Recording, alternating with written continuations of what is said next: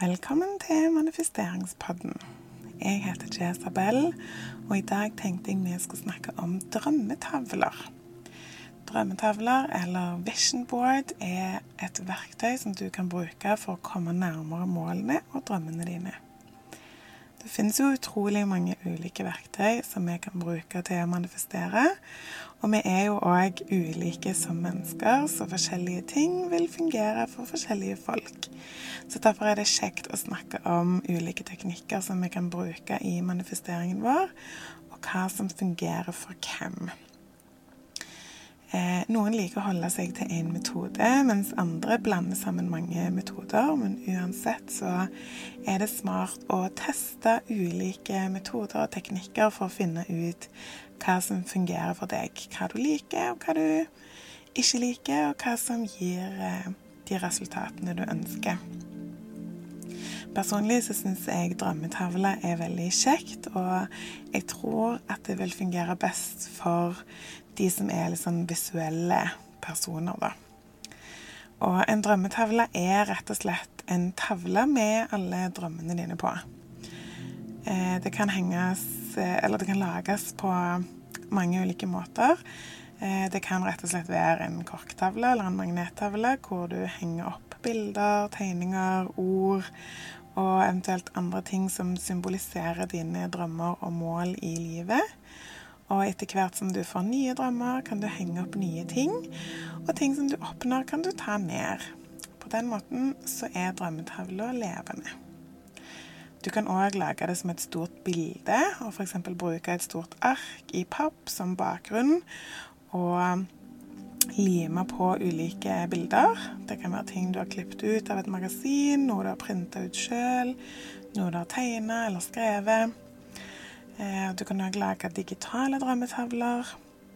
Det kan være en enkel kollasj som du har som bakgrunnsbilde på PC-en eller iPaden. Eller om du er skikkelig god i Photoshop f.eks., så kan du redigere deg sjøl inn i ulike bilder av ting du vil oppnå, steder du vil dra, personer du vil møte, og sånn som det. Eh, jeg liker òg veldig godt å bruke bakgrunnsbildet på mobilen som en liten drømmetavle. De fleste av oss ser jo på mobilen veldig mange ganger i løpet av en dag. Så det å bruke den vanen, eller uvanen, eller hva du vil kalle det, til å minne deg sjøl på hva du manifesterer, det elsker jeg. Eh, nøkkelen til å få resultater ut av en drømmetavle, det er uansett hvilken type tavle du har, og bruke den aktivt. Det hjelper ikke mye å bare lage tavler. Eh, det fins mange måter å bruke den på, eh, men tanken er at den er en visuell påminnelse om hva du ønsker å tiltrekke deg. Den må være et sted som du ser ofte, helst flere ganger om dagen. Og du må òg se på en bevisst med en intensjon. Min opplevelse er at i starten så får jeg en god følelse bare av å gå forbi drømmetavla. Eh, men etter hvert så blir det bare en vane, og jeg legger ikke lenger merke til at den er der, eller tingene som er på, med mindre jeg bruker den aktivt. Eh, og det vil allikevel ha en effekt, fordi at eh, underbevisstheten vår plukker jo opp mer enn det vi gjør bevisst. Men det å likevel bruke drømmetavla aktivt og med en intensjon, det vil ha en mye, mye større effekt. Det kan være å hver morgen velge ut én ting fra drømmetavla di som du fokuserer på. Gjøre en visualiseringsøvelse rundt den ene tingen og ta den med deg videre gjennom dagen. Det kan være veldig virkningsfullt å kun ha én ting å fokusere på. Fordi på en drømmetavle så er det jo som regel veldig mange ulike ting eh, som er fint. Men det å ta ut én ting her og der og fokusere på, det gir en enda større effekt, da. Eh, denne episoden er som vanlig sponsa av min egen nettbutikk jesabel.no, hvor jeg òg faktisk har en egen eh, drømmetavle-workshop som går enda mer i dybden på hvordan du kan lage og bruke drømmetavler til å manifestere ting. Så jeg skal legge en eh, direkte link til det i episodebeskrivelsen.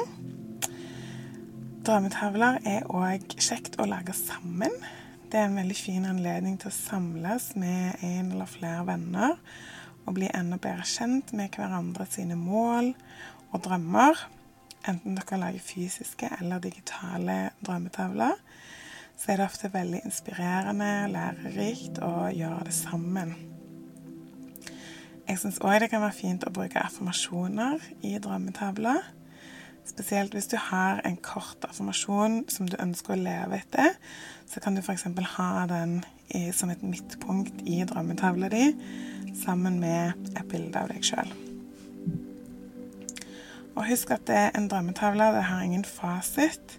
Det er du som bestemmer hvordan din drømmetavle ser ut, hvilken format den har, hvor ofte den skal endres på, om det er mest bilder eller tegninger, om du vil ha den på soverommet eller på badet eller digitalt. Eh, ja. Alt er opp til deg. Og hvis det er interesse for en eh, online drømmetavle-workshop, så skriv gjerne i den Facebook-gruppa vår, så kanskje jeg kan arrangere noe hvor alle kan lage sine egne tavler hjemme mens vi møtes gjennom skjermen og utveksler erfaringer, spørsmål, tips og triks. Eh, jeg skal òg legge link til denne Facebook-gruppa i episodebeskrivelsen. Så um, ser jeg om det er noe interesse for uh, å eventuelt lage en workshop, så vi kan lage tavler sammen. Og uansett, masse lykke til med drømmetavla di. Vi høres!